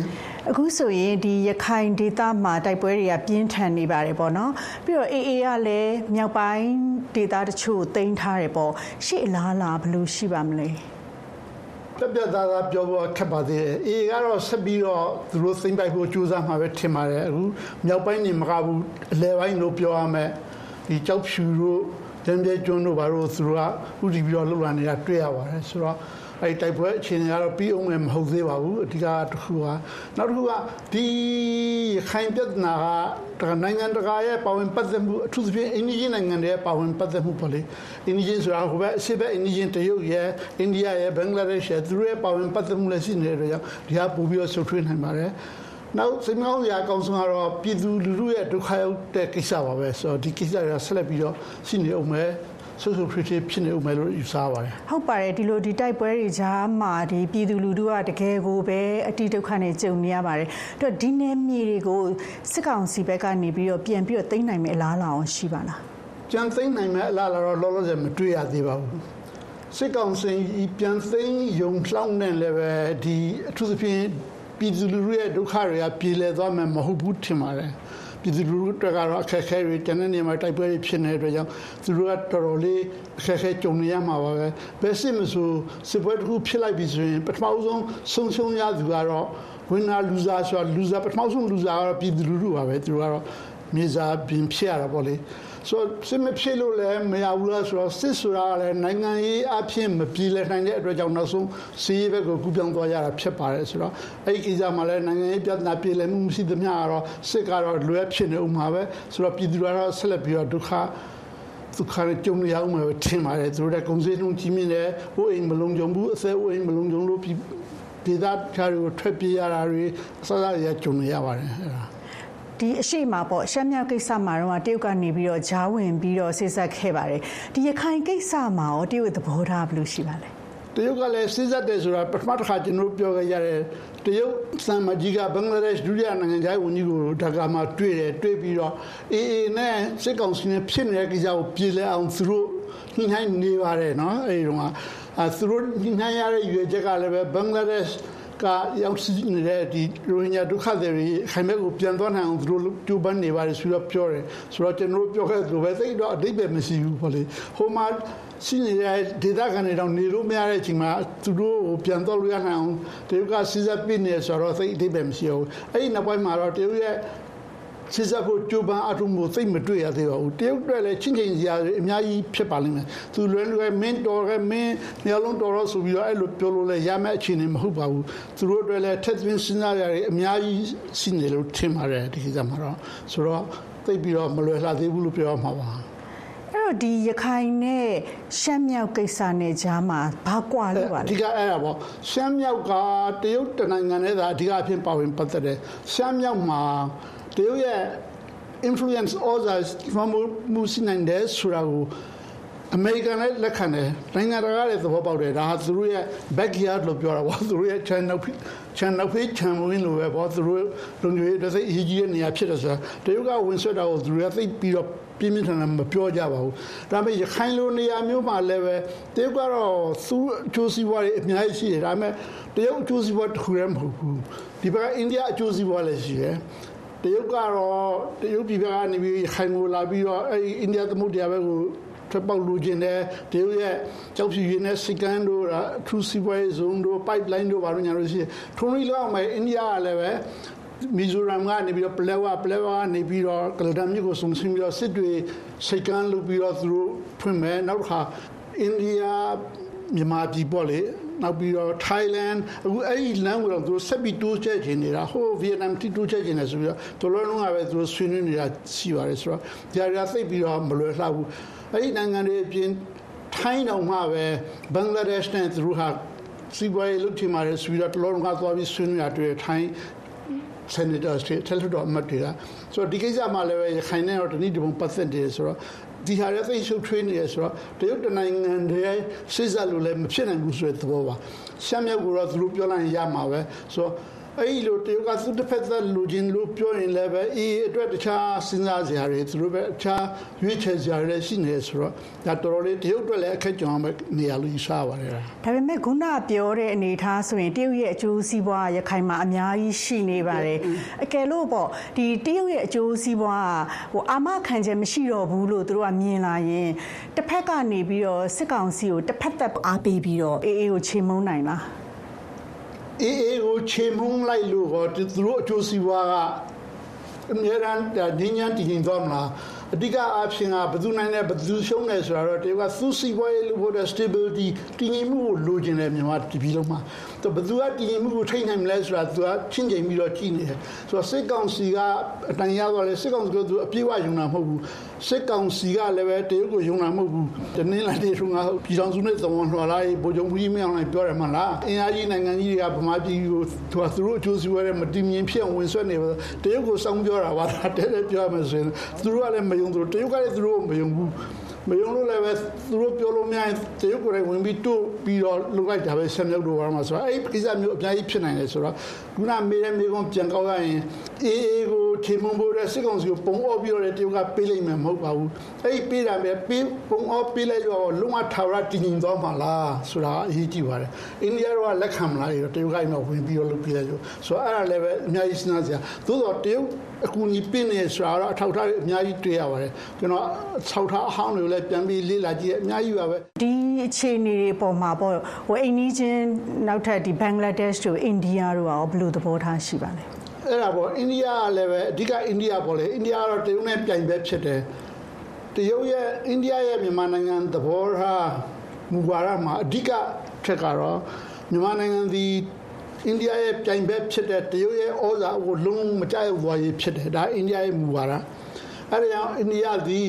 ဒီမိုကရေစီလှုပ်ရှားမှုကိုပြတ်ပြတ်သားသားမထောက်ခံတာကိုလည်းအဲ့ဒါကိုအကြောင်းပြတယ် ငါတို့ကပြတ်ပြတ်သားထောက်ခံလိုက်ရင်မြန်မာနိုင်ငံစစ်ကောင်စီကတရုတ်ဘက်ကိုလုံးဝပါဆိုတရုတ်ဘက်ကိုတွန်းပို့လိုက်လို့ဖြစ်သွားမယ်ဆိုတာအိန္ဒိယအများနဲ့ဆိုရင်လေဆိုတော့အိန္ဒိယကလည်းပဲတရုတ်လိုပဲတစ်ဖက်ကိုကြည့်လိုက်ဟိုဘက်ကြည့်လိုက်ကြည့်နေရပါတယ်ဆိုတော့အစတုန်းကတော့အိန္ဒိယစစ်ကောင်စီဖြစ်ဖြစ်ဘိုးအစိုးရဖြစ်ဖြစ်သူတို့ရဲ့သဘောတည်မှုရရှိရတဲ့ပေါ်လေသူရဲ့ကလဒန်ဘက်ဆုံးဖွံ့ဖြိုးစီမံကိန်းအတွက်တခြားမြန်မာနိုင်ငံကိုဖျက်သွားမဲ့စီမံကိန်းတွေအတွက်အနာရှိရဲ့အစိုးရနဲ့သာ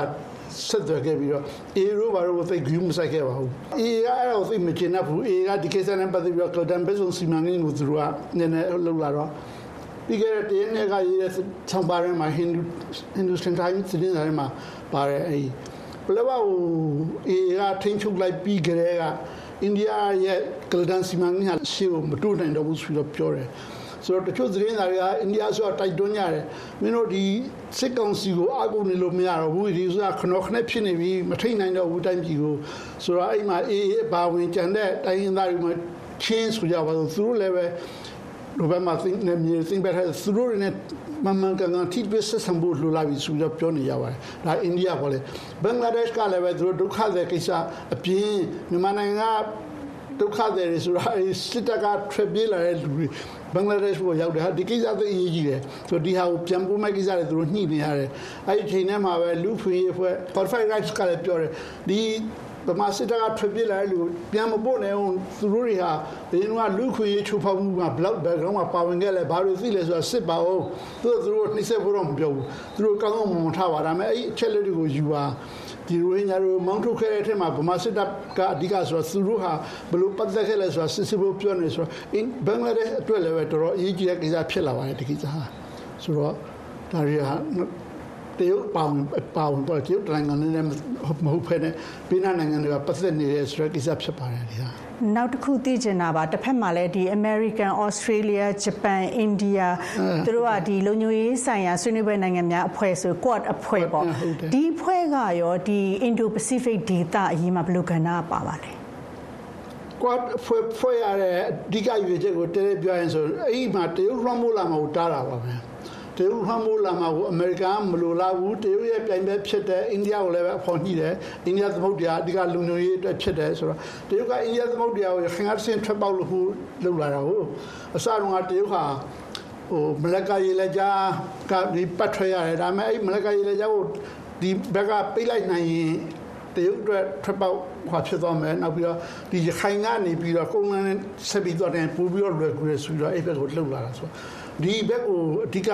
စံကြည့်ခြင်းလို့ဟန်တာခြင်းလို့လည်းပဲ quad အဖွဲ့ကိုဖွဲ့ရမှာအဓိကရွေးချက်ပါဆိုတော့အိန္ဒိယရဲ့ပြင်နဲ့ဂျပန်နဲ့ဩစတြေးလျကိုလည်းပဲသူတို့ကြည့်လိုက်ပြီးတော့သူတို့ပါဝင်နေရတာဖြစ်တယ်ဆိုတော့အမေရိကန်ကလည်းဒီဟာကိုသိပြီးတော့အေးလေးထားပြီးစောင့်ကြည့်နေမှာပဲဒါပေမဲ့လောလောဆယ်မှာတော့အမေရိကန်ဟာ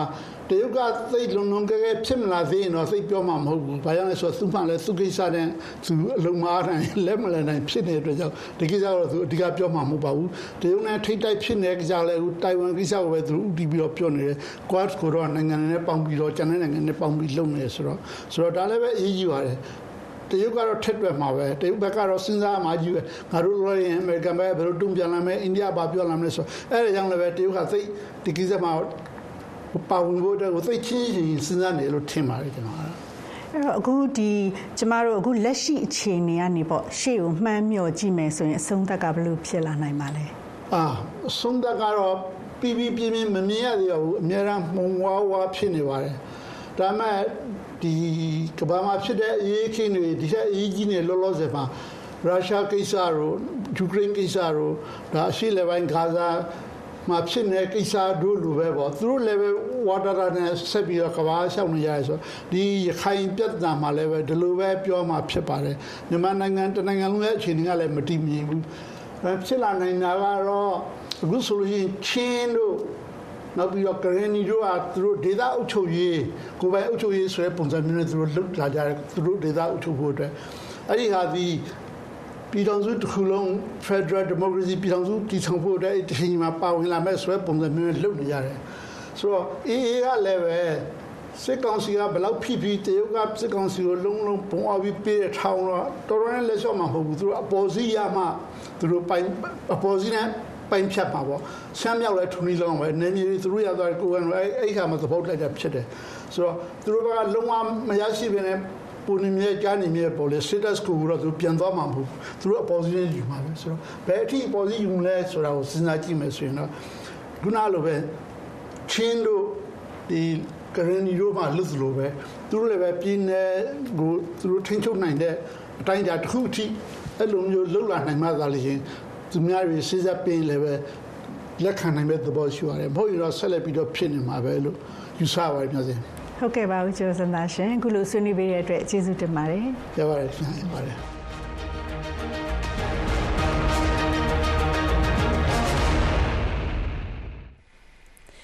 မြန်မာနိုင်ငံက လူငယ်တွေကြားမှာ တညတာ တွေ့ဆုံမှုလို့ခေါ်တဲ့ one night stand relation ယဉ်ကျေးမှု ခေတ်စားလာတဲ့အတွက် လိင်ကနေကူးစက်တဲ့ယောဂါတွေ ဖြစ်ပွားလာနိုင်တယ်လို့ ကျန်းမာရေးပညာရှင်တွေက သတိပေးပါတယ်။ဒီလို one night stand relation ကို လုပ်မယ်လို့ စိတ်ကူးထားသူတွေရော လုပ်နေတဲ့သူတွေရော လိင်ကနေကူးစက်တဲ့ယောဂါတွေအပြင် တခြား မလိုလားအပ်တဲ့ ဆိုးကျိုးတွေကို ရှောင်ရှားနိုင်ဖို့အတွက် ဘာတွေကို သိထားသင့်ပါလဲ။ ဂျန်စီပရိသတ်တွေအတွက် Valentine's Day အထူးအစီအစဉ်အနေနဲ့ဒီအကြောင်းအရာတွေကိုပြောပြဖို့စေကျော်သက်နဲ့လူငယ်ဆိုင်ရာပညာရှင်ဒေါက်တာရတနာနဲ့မခင်လေးစကားပြောထားပါတယ်ရှင်။ Hey ဂျန်စီတို့ရေဒီတစ်ပတ်မှာတော့ Valentine's Day အတွက်အထူးအစီအစဉ်နေနဲ့လူငယ်တွေကြားထဲမှာအရန်ကိုရေပန်းစားနေတဲ့ ONS လို့ခေါ်တဲ့ One Night Stand Relation အကြောင်းကိုပြောဖို့အတွက်မျိုးဆက်ပွားနဲ့လိမ်မိုင်းဆိုင်ရာကျမ်းမာရေးပညာရှင်တယောက်ကိုဖိတ်ခေါ်ထားတယ်။သူဘာတွေပြောမလဲဆိုတာနားထောင်ကြည့်အောင်နော်။ အဓိကအချက်အနေနဲ့ဘာကိုသိထားတယ်လဲဆိုရင်အင်္ဂလိပ်လိုဆိုရင်တော့ကျမတို့က my body my rights လို့ခေါ်တယ်ပေါ့ဆိုတော့ကိုယ့်ရဲ့ကိုယ်ခန္ဓာနဲ့ပတ်သက်ရင်ကိုကသာဆုံးဖြတ်ချက်ချပိုင်ခွင့်ရှိရမယ်အထူးသဖြင့် Valentine Day မှာဒါကိုသိထားတယ်နဲ့ဆိုတော့အဲ့ဒီမှာဘာတွေပါလဲဆိုရင်เนาะကိုကလိန်ဆက်ဆံမယ်လိန်ဆက်ဆံဘူးဆိုတာကိုကိုကသာကိုဆုံးဖြတ်ချက်ချပိုင်ခွင့်ရှိရယ်เนาะကိုယ်ခန္ဓာ အပေါ်မှာလုံးမဲ့အရာတွေကိုကိုကဆုံးဖြတ်ချက်ချပိုင်ခွင့်ရှိတဲ့အခါမှာသူများကနေပြီးတော့ကိုကိုနော်ဒီချင်းချောက်တာမျိုးအပြော့နည်းနဲ့ဖိအားပေးတာမျိုးအရှိလာရင်ကျမတို့မှာ no ပြောပိုင်ခွင့်ရှိရဲအဲ့လို no ပြောတာကိုလည်းတစ်ဖက်သားကလေးစားရမယ်ပေါ့ဥပမာအဖြစ်အသေးရင်ငါတို့တော့ချစ်နေကြတာပဲ၃နှစ်လောက်ရှိနေပြီဒီနေ့လေးတော့လည်းရောပေးပါ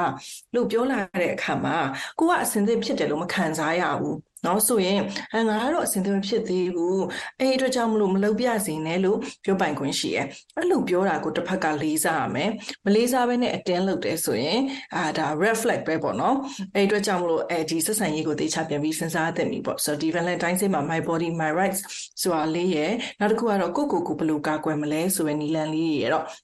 အလူငယ်တွေသိထားတင်ပါတယ်လို့ဟုတ်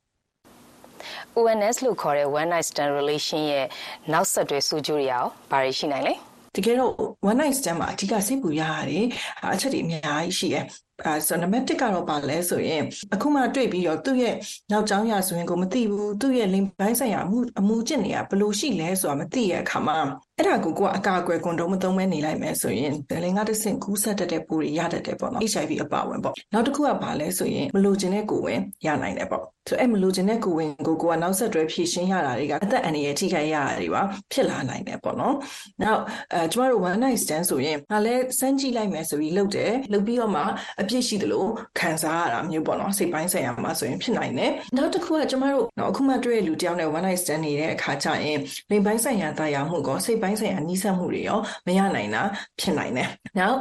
ကိုကပေါ့နော်မတိလိုက်ဘူးနေလိုက်တယ်ပြီးတော့အခါကျမှကိုအတူနေလိုက်တဲ့လူကနော်အသက်မပြည့်သေးရမျိုးဆိုရင်နောက်ပိုင်းမှာဒါတရားဥပဒေပိုင်းဆိုင်ရာနဲ့ညီစွန်းနိုင်တာမျိုးရှိရယ်နောက်ဆုံးတစ်ခုကကြပါလဲဆိုရင်အာကြောက်စရာလည်းကောင်းတယ်ဒါကတော့ဟိုလူတယောက်ရဲ့အပြုအမူသူဘယ်လိုစဉ်းစားတွေးခေါ်လဲဆိုတာမသိဘဲနဲ့နော်သူနဲ့အတူတူနေဖို့အတွက်ကို အာလှုပ်လိုက်တဲ့အခါကျရင်အတိုင်းချင်းအကျန်းဖတ်တာလိမ်ပိုင်းဆိုင်ရာအကျန်းဖတ်တာဖြစ်နိုင်တယ်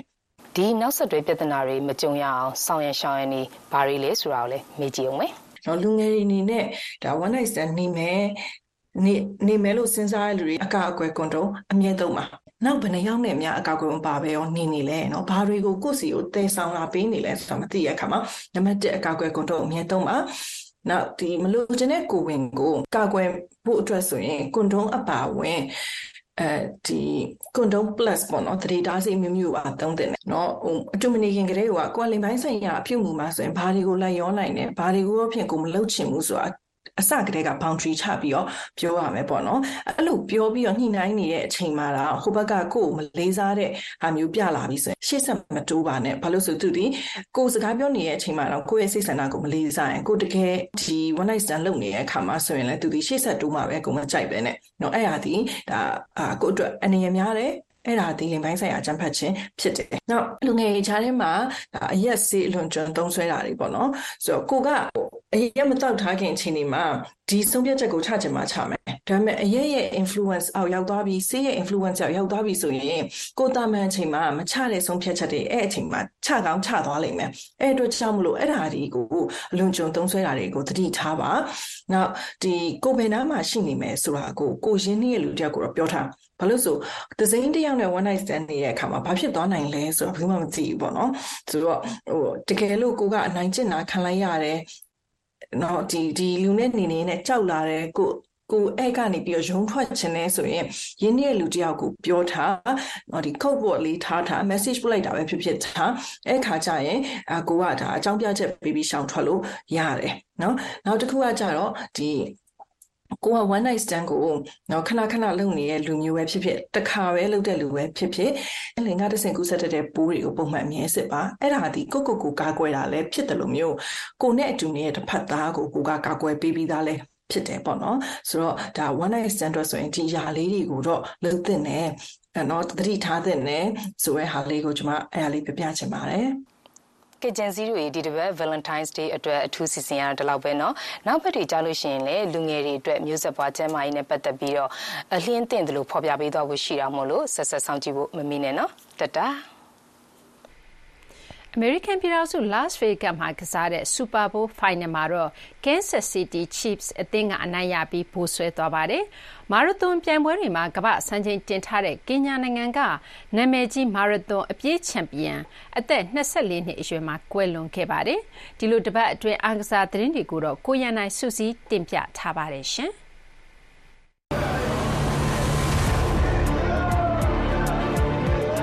င်္ဂလာပါကျွန်တော်ရန်နိုင်ပါ VOA ရဲ့တပတ်တွင်းအားကစားသတင်းတွေကိုတင်ဆက်ပေးသွားမှာဖြစ်ပါတယ်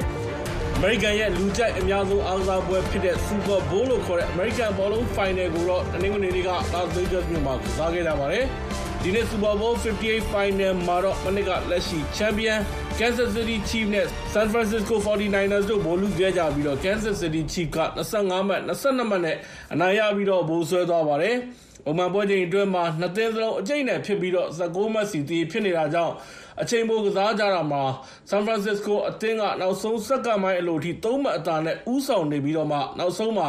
Kansas City အသင်းဘက်က တက်ရှောင်းရပြီးတော့25မှတ်22မှတ်နဲ့နိုင်ရပြီးတော့ပိုဆွဲသွားတာဖြစ်ပါတယ်။အခုလို Kansas City Chiefs အသင်းအနိုင်ရသွားတာကြောင့် သူတို့ဟာ Lombardi ဆုဖလားကြီးကိုလည်းနှစ်နှစ်ဆက်တိုက် ရသွားခဲ့ပါတယ်။ ဒါဟာ2004နဲ့2005 ခုနှစ်က New England Patriots အသင်းနှစ်နှစ်ဆက်တိုက်ဘိုးဆွဲပြီးတဲ့နောက်ပိုင်းမှာ လက်ရှိချန်ပီယံအသင်းအနေနဲ့ ပထမဆုံးအချိန်ချန်ပီယံဘွဲ့ကို ကာကွယ်နိုင်လိုက်တာလည်း ဖြစ်ပါတယ်။ Super Final ပွဲနဲ့ ပတ်သက်ပြီးတော့အားကစားပရိသတ်တူဖြစ်တဲ့ဥကိုကိုတော်ရဲ့ အမြင်ကို မေးကြည့်ထားပါတယ်။ပွဲကတော့ တကယ်တမ်းကတော့ဘာတညာကြားတဲ့ညာသူတို့ရဲ့ရည်ချင်းနဲ့ ကစားပုံကစားနည်းနဲ့ ကစားကွက်တွေ နှစ်ဖက်လုံးက ချင်းကြီးပါတယ် နော်။ Kansas ကတော့ပို့ပြီးတော့ဟို chief တွေကတော့ပို experience ရှိတာပေါ့ chief ရဲ့ quarterback Patrick Mahomes ကမနစ်ကလည်းနိုင်ထားပြီးသားအဲ့မတိုင်ခင်တနည်းနည်းကလည်းသူ final တက်တဲ့ထိရောက်အောင်ကစားထားဘူးသားဆိုတော့သူကပို့ပြီးတော့ San Francisco သင်းက quarterback Brock Purdy ထဲတော့သူကနည်းနည်းပို experience ရှိတယ်ကစားဖို့ကစားနည်းပိုနည်းနည်းအဲတည်တတ်တဲ့အချမ်းခံနိုင်တယ်ဆိုတော့ ချိန်ကိုတုံးချတတ်တဲ့ဒီ quarterback တွေနဲ့အသင်းတွေကသူတို့အဲ့လိုတိတ်တိုက်ဖြစ်လာပြီးဟိုချိန်ကြီးလာပြီးဆိုလို့ရှိရင်နောက်ဆုံးကြံတဲ့အချိန်ကိုကိုကဘယ်လိုအသုံးချနိုင်လဲဆိုတဲ့ပုံမှာအသုံးချတတ်တဲ့လူကနိုင်တာများပါတယ် chief ကတော့ပို့ပြီးတော့ခြေတာတယ်လို့ထင်ရပြီမဲ့ဘာပြန်ကြားပြန်မဲ့နောက်ဆုံးကံလေးလဲပါတယ်အချိန်သုံးချပုံလေးနဲ့ဒီ quarterback ရဲ့ဆုံးဖြတ်ချက်မှန်ကန်မှုကြောင့် chief ကနိုင်သွားတာပေါ့ဒီဒီနေ့ Super Bowl Final မှာ ထူးခြားတာကတော့ Kansas City အသင်းမှာ ပါဝင်ကစားတဲ့ Travis Kelce ဟာ ကမ္ဘာကျော် pop ဆိုတော့ Taylor Swift ရဲ့ ချစ်သူဖြစ်တာကြောင့် ဒီပွဲကို Taylor Swift ကိုယ်တိုင်လည်း ဂျပန်နိုင်ငံမှာ ဖျော်ဖြေပွဲအပြီး ကိုပိုင်ချက်လေနဲ့ ပြန်လာပြီးတော့အားပေးသွားခဲ့ပြီးတော့ပွဲပြီးမှလည်း ကွင်းထဲကိုဆင်းပြီးတော့သူချစ်သူနဲ့တူ အောင်ပွဲခံခဲ့တာကိုလည်း တွေ့ခဲ့ရပါတယ်ခင်ဗျာ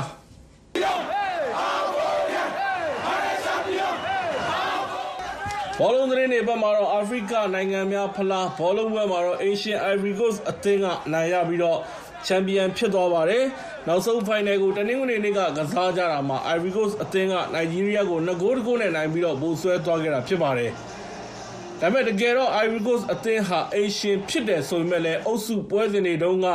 တပွဲနိုင်နှစ်ပွဲရှုံးတဲ့အုပ်စုတတိယပဲရပြီးနောက်တစ်ဆင့်ကိုတက်ခဲ့တာပါ။ အဲ့လိုအုပ်စုတတိယပဲရခဲ့တာကြောင့်ပြိုင်ပွဲအတွင်းမှာပဲနီးပြဂက်ဆက်ကိုထုတ်ပြီးတော့လက်ထောင်နီးပြအမ်မာစရေးကိုညာယီနီးပြခန့်ပြီးတော့ဆက်ကစားခဲ့တာပါဒါမဲ့လည်းအုပ်စုတတိယနဲ့ရှုံးထွက်အဆင့်ကိုနောက်ဖေးပေါက်ကနေတက်ခဲ့ရတဲ့ Ivory Coast အသင်းဟာ final အထိတက်ခဲ့ပြီးတော့အုပ်စုပွဲတုန်းကတကိုးကိုမရှိနဲ့ရှုံးခဲ့တဲ့ Nigeria နဲ့ပြန်တွေ့ခဲ့တာပါဖိုင်နယ်မှာတော့ Ivory Coast ဟာနောက်ကနေလိုက်ကစားခဲ့ရပေမဲ့ဒုတိယပိုင်းမှာတွင်းတဲ့2ဂိုးနဲ့နောက်ဆုံးမှာ2ဂိုးတဂိုးနဲ့နိုင်ရသွားခဲ့ပါတယ်။ Ivory Coast အတွက်အနိုင်ဂိုးကိုတော့ကင်ဆာရောဂါကနေဆေးကုပြီးတော့မနစ်ကမှပြန်ကောင်းလာခဲ့တဲ့ Dortmund တိုက်စစ်မှု Sebastian Haller ကသွင်းပေးခဲ့တာဖြစ်ပါတယ်။အခုလို Ivory Coast အသစ်နိုင်ရသွားတဲ့အတွက်လည်းအင်ရှင်ပရိသတ်တွေအကြီးအကျယ်ကိုအောင်ပွဲခံနေကြပါတယ်။ Ivory Coast ယာယီနီးပြ Emma Faye ကတော့ j'arrive même pas à mesurer ma ma ma ma joie franchement je suis je suis c'est énorme c'est énorme ကျွန်တော်အနေနဲ့ကစားသမားဘဝကအနိုင်ရဖို့အတွက်စိတ်ကူးရင်ခဲ့ဘူးပေမဲ့အနိုင်မရခဲ့ပဲယာယီနီးပြဘဝနဲ့ကြာမှအနိုင်ရခဲ့ပြီးအဲ့ဒီအတွက်လည်းပြောမပြတတ်အောင်ဝမ်းသာမိပါတယ်ပြီးတော့ဒီပြိုင်ပွဲကတကယ့်ကိုထူးခြားလာပါတယ်ဒီပြိုင်ပွဲကသဲတဲ့ရင်ပုံဖြစ်စရာတွေအများကြီးရှိခဲ့တယ်လို့အလှည့်ပြောင်းတွေလည်းအများကြီးဖြစ်ခဲ့ပါတယ် Ivory Coast အနေနဲ့ဒီပြိုင်ပွဲအတွက်ဂုဏ်ယူနိုင်တယ်လို့ထင်ပါတယ်ပြိုင်ပွဲကလည်းတကယ့်ကိုကောင်းပြီးအံ့အားသင့်စရာတွေအလှည့်ပြောင်းတွေအပြည့်နဲ့ပါအာဖရိကနိုင်ငံများဖလားကိုဒီလိုအဆင့်မျိုးနဲ့ကျင်းပနိုင်အောင်စီစဉ်ခဲ့တဲ့ကျွန်တော်နိုင်ငံအတွက်လည်းဝမ်းမြောက်မိပါတယ်အခုလို Ivory Coast အသင်းအနိုင်ရသွားတဲ့အတွက်ဒါဟာ2006ခုနှစ်ကအိရှင်အီဂျစ်အသင်းအနိုင်ရပြီးတဲ့နောက်အိရှင်ပြည်လက်ခံကျင်းပတဲ့အသင်းတွေပထမဆုံးအချိန်ပြန်ပြီးတော့အနိုင်ရတာဖြစ်ပါတယ်ခင်ဗျာ။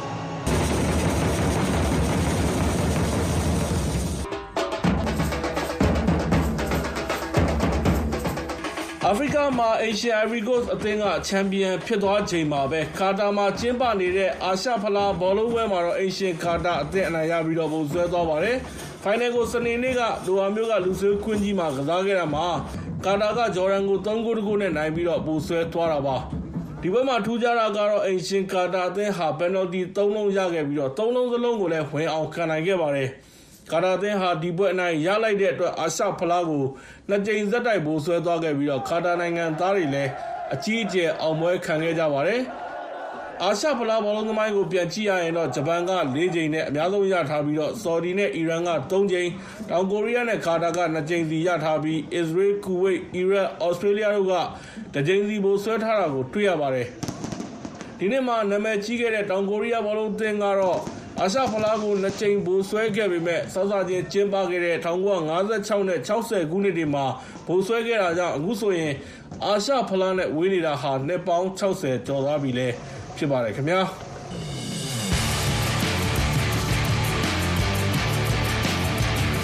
ရေကုန်ပြည်သတင်းတွေဘက်မှာတော့မာရသွန်ပြိုင်ပွဲတွေမှာကမ္ဘာစံချိန်တင်ထားခဲ့တဲ့ ကင်ညာနိုင်ငံက Kelvin Kiptum ဟာကင်ညာနိုင်ငံက သူ့ရဲ့ဇာတိမြို့နားမှာပဲရင်တိုက်မှုဖြစ်ပြီးတော့တနင်္ဂနွေနေ့ကပဲ ကွယ်လွန်သွားခဲ့ပါတယ်။သူနဲ့အတူ သူ့ရဲ့နီးပြဟာကီဇီမာနာလည်းတည်ဆုံးသွားခဲ့ပါတယ်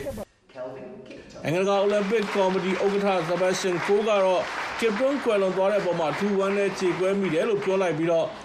ကင်ညာဝန်ကြီးချုပ်ဟောင်းရိုင်လာအိုဒင်ဂါကတော့ကင်ညာနိုင်ငံဟာ သူရဲကောင်းတယောက်ကို အကြီးကျယ် ဆုံးရှုံးလိုက်ရတဲ့အတွက် ဝမ်းနဲ့ပူဆွေးနေတယ်လို့ ပြောလိုက်ပါတယ်။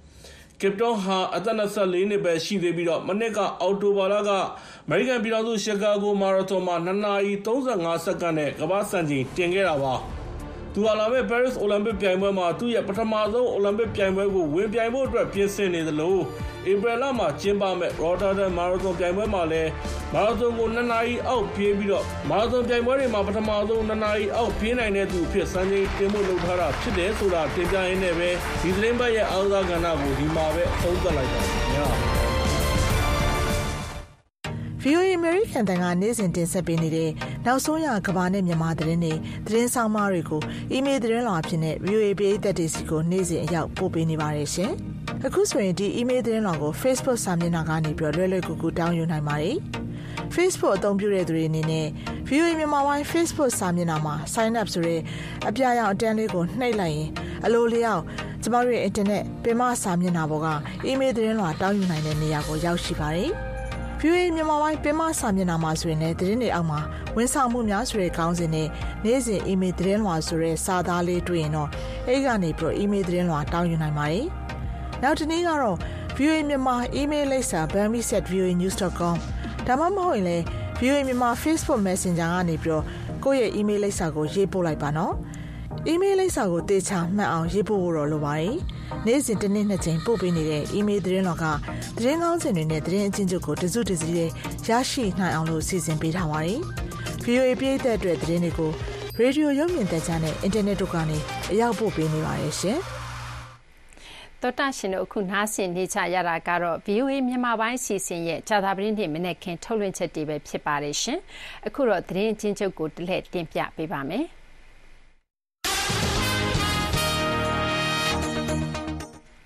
အစ္စရေးနိုင်ငံမြောက်ပိုင်းကမြို့တမြို့ကိုဒုံးကျည်တစင်းထိမှန်ပြီးတဲ့နောက်ဗုဒ္ဓဟူးနေ့အစောပိုင်းမှာလက်ဘနန်တောင်ပိုင်းကိုအစ္စရေးကလေကြောင်းကနေတိုက်ခိုက်ပါတယ်။ဖြစ်စဉ်အတွင်းနှစ်ဖက်စလုံးမှာထိခိုက်သေဆုံးမှုတွေရှိခဲ့ပါတယ်။အမေရိကန်လွှတ်တော်အမတ်တွေအနေနဲ့ပြည်ပအကူအညီတွေပေးနေမယ့်အစားပြည်တွင်းပြဿနာတွေအပေါ်ပိုပြီးအာရုံစိုက်ဖို့အမေရိကန်ပြည်သူတွေကလိုလားနေကြကြောင်းအမေရိကန်ကွန်ဂရက်အောက်လွှတ်တော်ဥက္ကဋ္ဌ Mike Johnson ကဗုဒ္ဓဟူးနေ့မှာပြောဆိုလိုက်ပါတယ်။ ဒါဟာဆိုရင်ဒေါ်လာ95ဘီလီယံတန်ဖိုးရှိတဲ့ပါတီနှစ်ရပ်လုံးကသဘောတူရမယ့်ဆီနိတ်အထက်လွှတ်တော်နိုင်ငံခြားအကူအညီပေးရေးဥပဒေကြမ်းအပေါ်မဲခွဲဆုံးဖြတ်ရေးမလုပ်ဖို့တောင်းဆိုတဲ့သူ့ရဲ့ရပ်တည်ချက်ကိုထပ်မံပြောဆိုလိုက်တာလည်းဖြစ်ပါတယ်။မြန်မာနိုင်ငံအတွက်လူသားချင်းစာနာထောက်ထားမှုဆိုင်ရာအကူအညီတွေအဟန့်အတားမရှိဝင်ရောက်နိုင်ရေးစစ်ကောင်စီကသတ်မှတ်ပေးထားတဲ့အဖွဲ့အစည်းတွေတင်မကဘဲအမှန်တကယ်အကူအညီလိုအပ်နေတဲ့လူတဦးချင်းနဲ့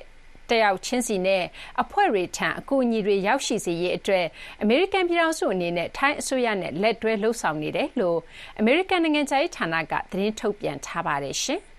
နောက်ဆုံးရသတင်းအချင်းချုပ်ကတော့ဒီလောက်ပါပဲရှင်ဒီမနေ့ခင်းအတွက်အစီအစဉ်ထုတ်လွှင့်ရမှုကကိုဇော်မိုးကျော်ဖြစ်ပါတယ်ညပိုင်း9နာရီကနေ10နာရီထိထုတ်လွှင့်မဲ့ရေဒီယိုရုပ်သံအစီအစဉ်ကိုတော့လိုင်းဒိုမီတာ19 25 32တို့ကနေဖမ်းယူနားဆင်နိုင်ပါတယ်ရှင်သောတာရှင်များနဲ့တကွမြန်မာပြည်သူပြည်သားအလုံးရှင်လန်းချက်မြေကြပါစေရှင်ကျမတင်ကြီးထိုက်ပါ